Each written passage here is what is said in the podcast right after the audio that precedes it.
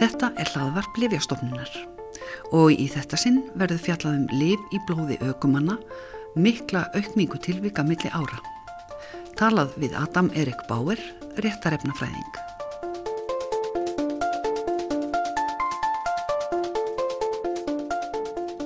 Adam Erik Bauer, réttarefnafræðingur, er verkefnastjóri á Rannsóknastofa Háskóla Íslands í Livja og Eiturefnafræði.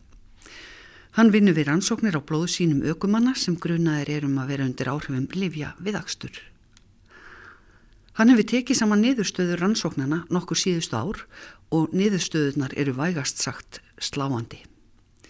Því tilvikum þar sem aukumæður eru undir áhrifum Livja við akstur hefur fjölgað ískikilega. Ég heimsótti Adam á dögunum á rannsóknastofuna og bað hann að segja frá því hvað þessi samantækt hefur leitt í ljós.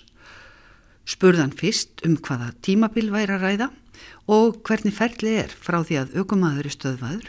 Þar til síni úr honum hefur verið tekið til rannsóknar hjá rannsóknastofunni.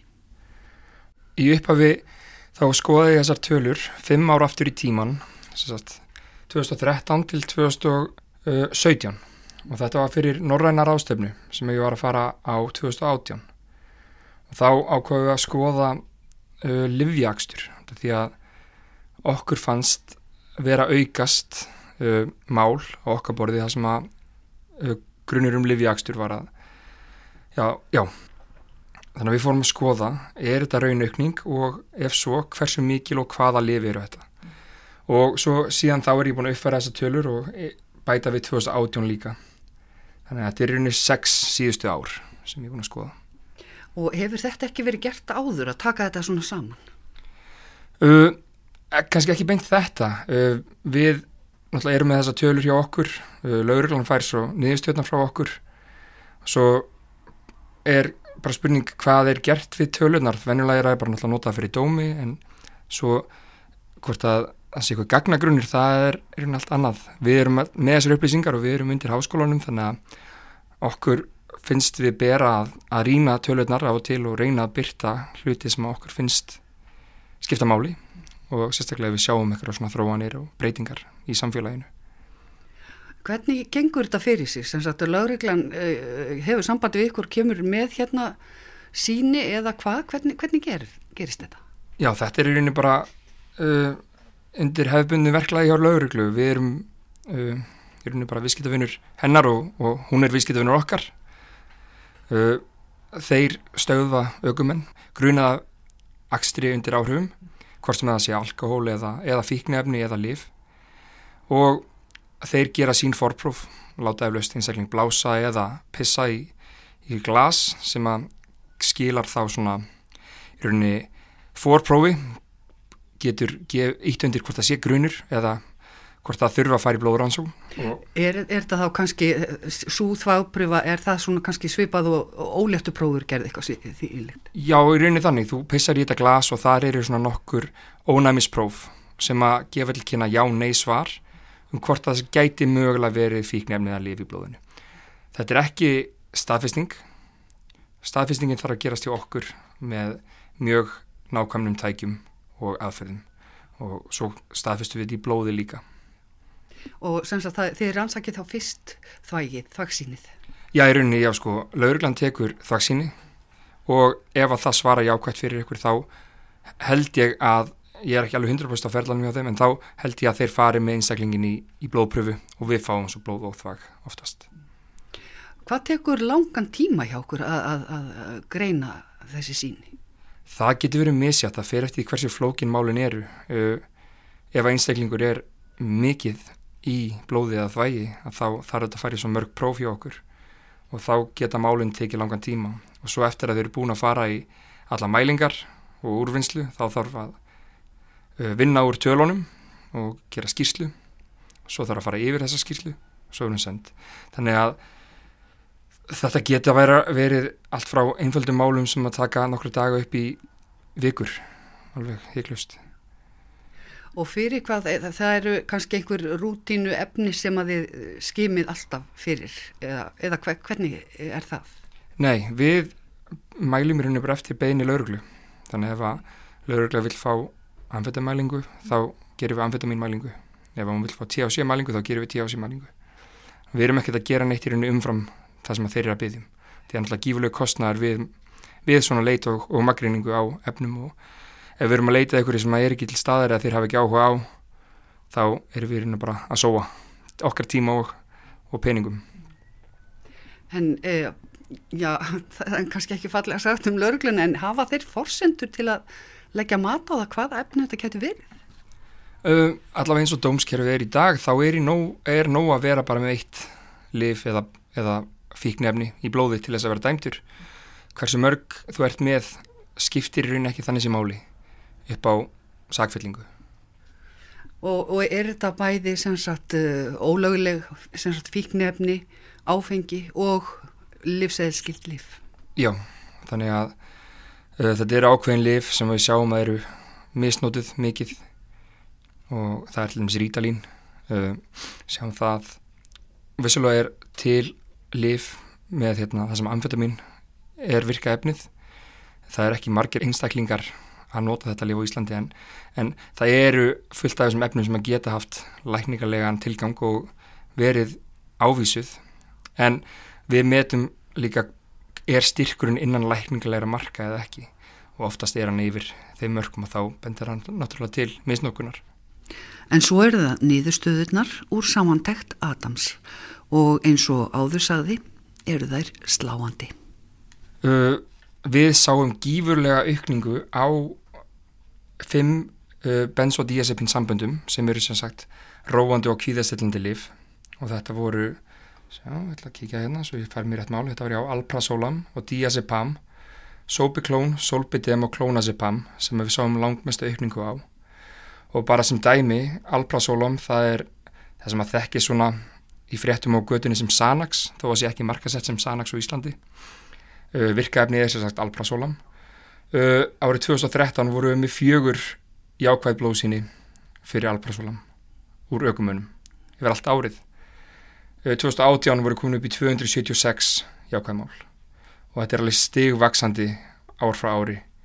Sprengingin gerist eiginlega þarna 2016 og svo er fimmföldun 2017 og svo nánast þreföldun frá millir 2017 og 2018 á málum og þetta er samblandi eflaust af sko vitnuvakningu á aukningu á nótkun og já, mögulega áherslu breytingu hjá lauruglunni. Þeir eru að reyna að grípa þetta betur. Og er þá frekar beðið um uh, skimun eftir, eftir þessum róandi og kvíðastillindi livjum oftar heldur en var? Já, ég tel það. Ég tel að, að þeir eru farnir að byggja um það meira og átta sig meira á því líka að, að þau hafa vissulega áhrif, áhrif á akstur. Sérstaklega þeir eru misnútuð á blöndið með öðrum livjum og fíknefnum. Er það algengt að finnist mörg líf og mörg efni í, í blóði uh, sama aukumanns? Já, eins og til dæmis rannsóknir mín uh, þá var einn liður að skoða fjöllifja nótkun og uh, bara til dæmis fyrir 2017 það var, var meiri en helmingurinn af þeim sem var með eitt af þessum fimm róandi eða kvíðastendildi livjum í blóði með hvað er það?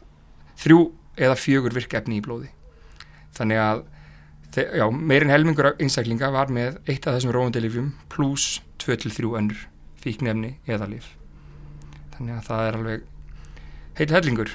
Og við sjáum fólk fara alveg upp í 8, 9, 10 virkefni.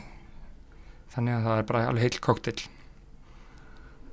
og, og hvað af þessu myndið þú meta sem svona varasamast fyrir aðra vegfannendur í, í umferðinni? Hvers konar lif eða lifi á efnablöndur hvað, hvað er varasamast í þessu?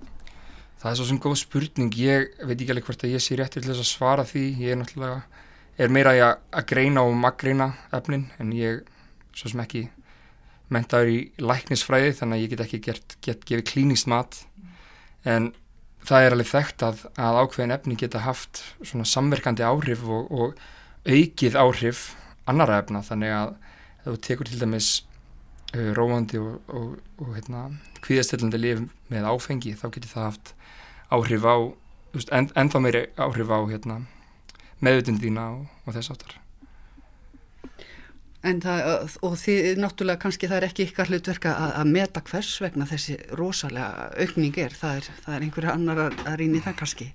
Já, það væri alveg einhverjir aðri sem væri betur, betur fallin til þess að skoða hvaðan þessi aukning er að koma Já. og af hverju en, en það verist vera að, að það er að aukast með bara það sem ég hef heyrt við að tala við til dæmis uh, S.A.A. og aðra stofnanir að, að þetta er aukningi á ungu fólki sem er að taka inn þessast, uh, þessi kvíðistillandi lif til þess að um, lækna sjálfa þig frá einhverjum kvíða og, og svona streytu.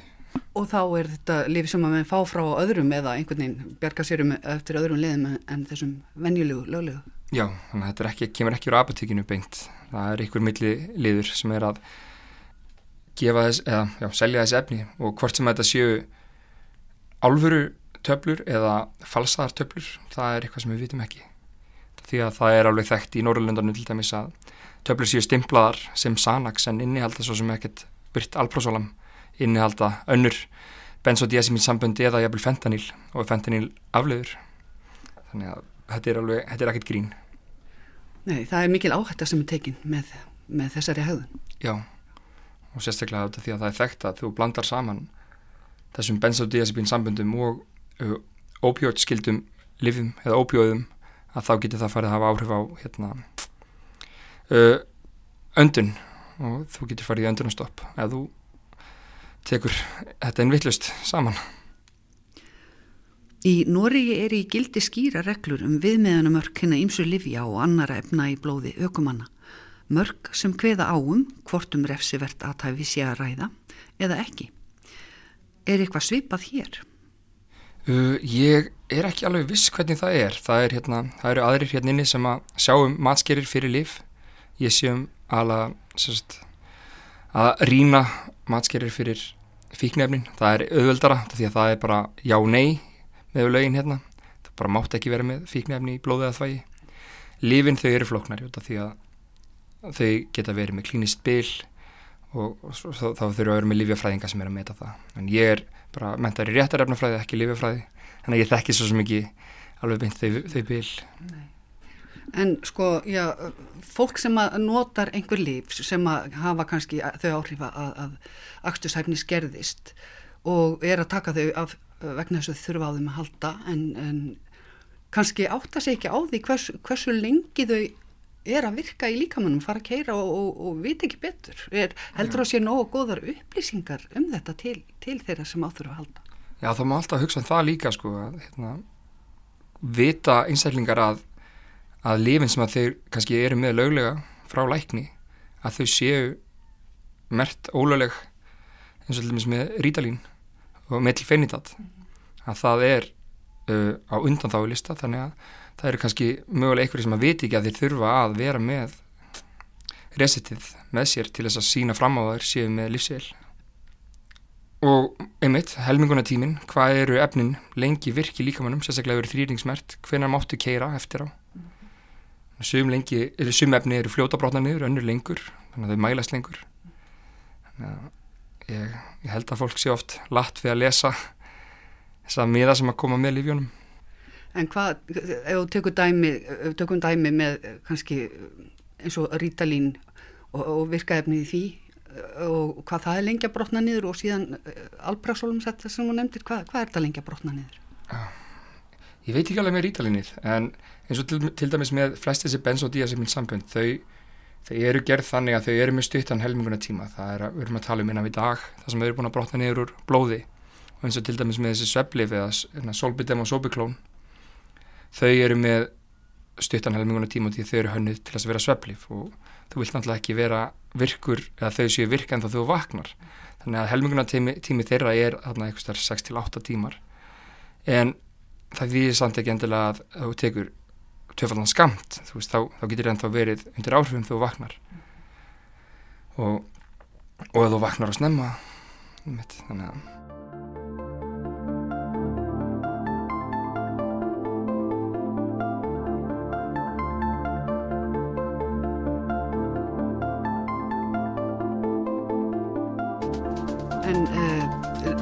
fáið þið hinga síni sem að uh, lauruglan hefur tekið og það væntalega af brítni ástæðu og kannski aukulega gefið eitthvað til kynna og eitthvað því líkt. En svo eru kannski fullt af öðrum sem að myndu mæla stundi mörgum yfir mörgum segi Já. þyrti að gera meira svona uh, slempi tjekk eða sem sagt stikkbrúður Já það er náttúrulega bara spurning hvort að það myndi þá svara kostnaði fyrir laurugluna þeir hafa náttúrulega bara ákveði fjármagn og, og það eru náttúrulega ekki allir sem að gera undir áhrifum en, en það eru það er aukning og við sjáum aukningu bara millir ára, við erum að fá fleiri síni alltaf inn með hverju ári. Og sjá ég með hérna tölur hérna.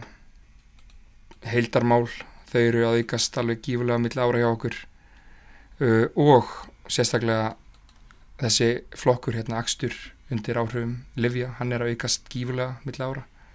Hann er búin að náðast fjórfaldast frá 2015 þannig að uh, ég held að Örglann sé alveg að gera góða hluti með því að vera að vakta þetta eins og er en, en það er náttúrulega, það er erfiðar að þú ert ekki með blásturs það er ekki til þess að mæla hvort eitthvað sjöundir áhrifum livja það er erfiðara En, en eh, heldur, er þessi aukning mikil aukning livja sem finnast í blóði, er það á kostnað áfengis eða það, heldur það bara sínu strykki eða eikstjafel? Uh, við sjáum allavega ekki miklu aukningu í alkohóli, það, það hefur aukist en, en það er ekki að aukast eins mikið. Og helst svona nokkuð takt, í takt við hérna bara trendið. En, það, er þessi, það er þessi flokkur samt þessi liv það er það, það sem er að aukast langmest og langræðast en almennt er alltaf aukast svo sem. Og við hefum gert einmitt líka rannsóknir einmitt við sjáum að þú veist kokain það er að aukast mikið í aukumunum og það, það helst alltaf volið mikið hendur við um, kaupmátt og, og góðæri. Þannig að við sáum mikla aukningu hérna 2017, 2007 svo mikla lækun hérna 2008 og 2009 sem hefur verið hægt og rólega að fara aftur upp í sipið, sipaðtölur og, og fyrir hrun. Þetta eru frekar sláandi upplýsingar. Já, það eru það og maður verður alltaf svona halvvikandi að sjá hvað er að sjást þarna í umferðinu og sérstaklega fólk sem er að taka inn mikið af efnum á sama tíma. Allir þessi koktelar, það er mjög óhugnalegt Er þetta aldrei smegur við að vera út að keira þú ert að vinna í þessu öllu? Nei, svo sem ekki. Maður, maður veit af þessu uh, en já, ég held að meira hlutin sé bara eins og við hinn gerum þetta löglega. Mm -hmm. þannig að sem betur fyrr en það er alltaf einhverjir hérna, svarti söðir inn á milli. Og maður getur ekki leift heima að eðalega lífsitt En uh, af því að það er nú ekki mjög langt síðan að var haldið upp á, á bjórdægin hérna, Hver, hvað er nú langt síðan? 30-40 ár? Já. eru til einhverjar tölur fyrir þann tíma og eftir þann tíma um, um áfengi skömmu fyrir og skömmu eftir um, um áfengismagn í blóðu aukumanna Já, þú meinar, það er góð spurning. Ég Bjórum var lögleitur hvað halva ára ára en ég fæðist þannig að ég var alltaf ekki byrjar að vinna hér. Uh, en það er alveg góð spurning, góð spurning. ég ætli þetta sé ekki til eitthvað staðar á rítuðu formi nýri kjallara. Þetta er fyrir tíma tölvunar hérna þannig að það væri alveg mikil vinna að kíkja í þetta en það væri áhugavert að sjá, mm -hmm. sjá þróununa kannski var gerð skísla, ég veit það ekki. En sem sagt, það er mikil aukning og þetta er áhegjafni Já, en við höldum áfram að fylgjast með þessu og við, og við höldum áfram að fylgjast með líka nýjungum og þess vegna fyrir við alltaf á reglulega á rástefnur og sjáum hvað er að gerast í Norrlöndunum og reynum að, að fylgja þeim og, hérna, og uppfara okkar aðferðilega þess að reyna að grýpa ný liv og ólulega efni sem er í nótkunn. Er mikið að bætast við af einhverju nýju sem þið hafi ekki séð áður? Já, það kemur alltaf fyrir. Það er þessir, hérna, þessi, þessi smíðuðu efni stundum kvöldu NPS eða uh, Novel Psychoactive Substances eða New Psychoactive Substances. Þá er búið að taka til dæmis liv eins og benzodiazepin sambandi eða til dæmis fentanil og breyta því aðeins. Þannig að það falli út fyrir uh, ramma lagana uh, en hefur svo sem svipað virkni. Og þá er þetta svolítið svona köttur og mús að þá þarf alltaf að bæta því nýja efnin inn á lista yfir ólöglega efni en þá er mögulega eitthvað nýtt komið á marka hvort sem er þannig að þetta er svolítið svona eltingalegur þannig og við erum að reyna að, að fylgjast með þessu og sjá hvort að eitthvað svona efni er að fara í umfæra á Íslandi og þau geta náttúrulega spilað stóran þátt í mögulega döðsvöllum líka. Adam Erik Bauer, réttarefnafræðingur á rannsóknastofu Háskóla Íslands í Livja og eiturefnafræði, að segja frá samantekt niðurstaðuna rannsókna á Livjum í blóði aukumanna síðastliðin 6 ár. Og svo, eftir andatakk, aðeins um hann sjálfan. Hvar hann læriði sín fræði, munin á meðferð upplýsinga og réttarefna rannsóknum þar og hér og svo um nýjan velrænan starfskraft á rannsóknastofunni hér heima.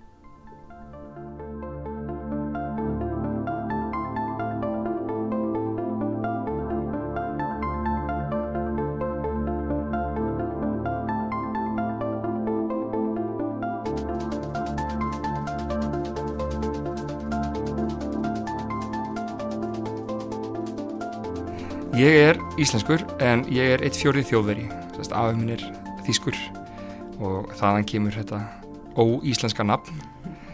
En ég er lífefnafræðingur í grunninn með BS í lífefnafræði hérna frá Háskóla Íslands. En svo fekk ég áhuga fyrir svona réttaransóknum og, og efnafræði og efnagreiningum og fór í meistarnám til bandaríkjana og lærið þar réttarefnafræði. Og eftir það kom ég aftur heim og hérna er núna búin að vera að vinna hér síðan 2017 Hvernig eh, er, er þessi sérhafing, þessi réttar efnafræði? Hvað er þrengist þá mikið sviði frá almennu lífefnafræðinni og yfir í, já, eitthvað þrengra, sjónarhótt? Já, náttúrulega um leiður búin að hengja réttar þarna fyrir framann, þá ertu í raun að, að vinna sérst efnafræði með því markmiði að svara spurningu, lagalegri spurningu í rauninni einhverju spurningu sem gæti verið varpað fyrir dóm þannig að hvort sem að það sé glæpur, hvort það sé eins og allmis bruni eða umhverfismál uh, fíknefnin Þa, það er svona, þar kemur þetta, þetta kemur lagalega lið og því oft fylgir ég mitt því möguleg, sá möguleik að þú þarfst að fara fyrir dóm og bera vittni fyrir þínu nýjastöðum. Þetta lítur að vera uh, svona eitthvað frábrúðið í bandaríkjunum, þessi viðmið og, og, og hvernig tekið er á þessum málum með það sem gerist hér. Já, já, náttúrulega við erum með öðruvísi dómskerfi til dæmis og uh, í bandaríkjunum það notaður kviðdómin, uh, við erum bara með dómara og ég fór og fylgist með dómsmálum í bandaríkjunum og þá er þetta mikil ábyrð á uh, rannsakatan að upplýsa og kenna hviðdómnum uh, í rauninni hvað hann er að gera. Alltaf efnafræðin á bakvið rannsóknuna fari í gegnum nákvæmlega hvað hvert tæki gerir. Og það er heilmikil vinn og miklu meira svona, uh, svona miklu meira svona leikrit í kringum þetta. Og svo er mjög áhverð að horfa á hviðdómunu því að margir þar eru bara einhver Jón Bakari og, og svo, veist, bara, bara þverskurinn af samfélaginu og og þetta getur verið mjög svona hávísnallega hérna, atriði sem við erum að tala um og fólkið bara kannski dættur út. En þú ert að útskýra eitthvað sem skiptir miklu málu fyrir eitthvað getur niðurstöðnar geta, já, valdi því að eitthvað verið frelsesvittur í langan tíma. Þannig að mér persónulega líka betur við það fyrirkomulegin sem þetta er hérna heima að vera með bara dómara og lögfræðinga sem eru alltaf í þessu umhverfi þekkja ferlið og, og svo fáum við að, gera okkar og, og bera vittni fyrir okkar neyðustöðum. Uh, Sannsagt, ferð þú hérna í, í réttasali hér og til að, að bera vittni? Ég er ekki komin þangað, það er svona uh, maður vinnur sig að því og þegar maður fyrir að skrifa matskerir þá þarf þú að, geta farið og staðið undir þeim fyrir dómi þegar það starf uh, og náttúrulega svona nýri starfsmenn þeir fara ekki beint í að skrifa maskirir. Þeir eru meira í forvinnslunni og svo fara þær upp og verður gerðar af reyndari starfsmunum. Og það eru þessar matskerðir eða þá, þeir sem að vinna það, það er það sem að já, þið voruð að gera fyrir kviðdómnum, svona að, að draga saman helstu upplýsingar eða hvað? Já, þannig séð að maður er svona taka niður stöðunar, setja þær í skýrslu út frá hvaða beðum, fannst það sem að beðum, fannst það ekki, mm. í hvað miklu magni og svo er það í rauninni bara lögfræðingana að, að meta hvað, það, hvað þessar tölur þýða. En uh, þú talar um mikla aukningu og, og fjölgun sína og, og, og tilvika þar sem alls konar liv og efnir í blóði. Er, uh, hafið þið nógu mannskap í þetta og andar leira fólk hérna? Við erum alveg búin að vera að bæta við okkur núna uh, síðustu, síðustu mánuði og vorum að fá uh, nýjan starfsmann, eða starfskraft svo sem, sem er ekki mennskur. Þetta er vélmenni sem að mun hjálpa okkur mikið með sína úrvinnslu og uh, mun frelsa okkar hendur svo litið þannig að við getum unnið á móti á, til að gera skýrslur. Skýrslurna verða alltaf flóknari með, með auknum efnum. Þannig að það er, það er nóg að gera. Þannig að þegar nóg að gera hjá okkur þá náttúrulega er það svo sem ekki góður speill á samfélagið en, en því miður. En uh, hvað gerir hérna uh, þetta velmenn ykkar hérna sem er nýkomið? Já, þetta sést tekur sérst sínun okkar, við þurfum að, að, að þjálfa tækið og kenna því, segja því hvað það vil gera og hvernig, forrita það í rauninni. Og það sem það gerir er að það gerir svona mestu handavinnun okkar, tekur sínin, tekur hlut úr þvaksíni eða blóðsíni, þinnir það og, og blandar og gerir það tilbúð fyrir mælingu. Þannig að þetta sparar mögulega heilan dag fyrir starfsmann. Það getur hérna bara sett sínin á tæki ítt á, á play og farið og inn í skýrslum eða eitthvað annað á meðan. Og hvað er uh, velmenni lengi að þessu? Miða við það sem að starfsmæðurinn hefði verið? Það er misjátt sko. Uh, það fyrir svolítið eftir hvernig maður forrita það og svo sem vinnan sjálf þarf ekkert endilega að vera fljótari en, en það er endilega viðveran að hún, hún sleppur alveg við hana og þegar allt er komið á og, og byrja, það ekki að byrja að vinna þannig að vinna sem sparast er gífurleg Þannig að þetta ætti að auka virknina hérna hjá ykkur. Já, alveg gífurlega og, og mögulegana. Núna getum við farið að, að leika okkur aðeins meira með aðferðir og þróun. Uh, Munið þið halda áfram og þú að, að taka saman niðurstöður og, og draga þetta saman í, svona, til upplýsingar? Já, já, og alltaf þegar við rekumst á okkur að ráhuga tölur eða, eða svona okkur grunar eitthvað svona, þá, þá, þá reynum við að taka þetta saman og við, við viljum vera að uh, byrta nýðustöður fyrir uh, á þessum norrönu uh, rástefnum því að við viljum vera með fyrirlestra og, og, og vera að kynna það sem er í gangi á Íslandi. Og bera saman við ykkar kollega og hvernig, hvernig staðan er? Nákvæmlega, algjörlega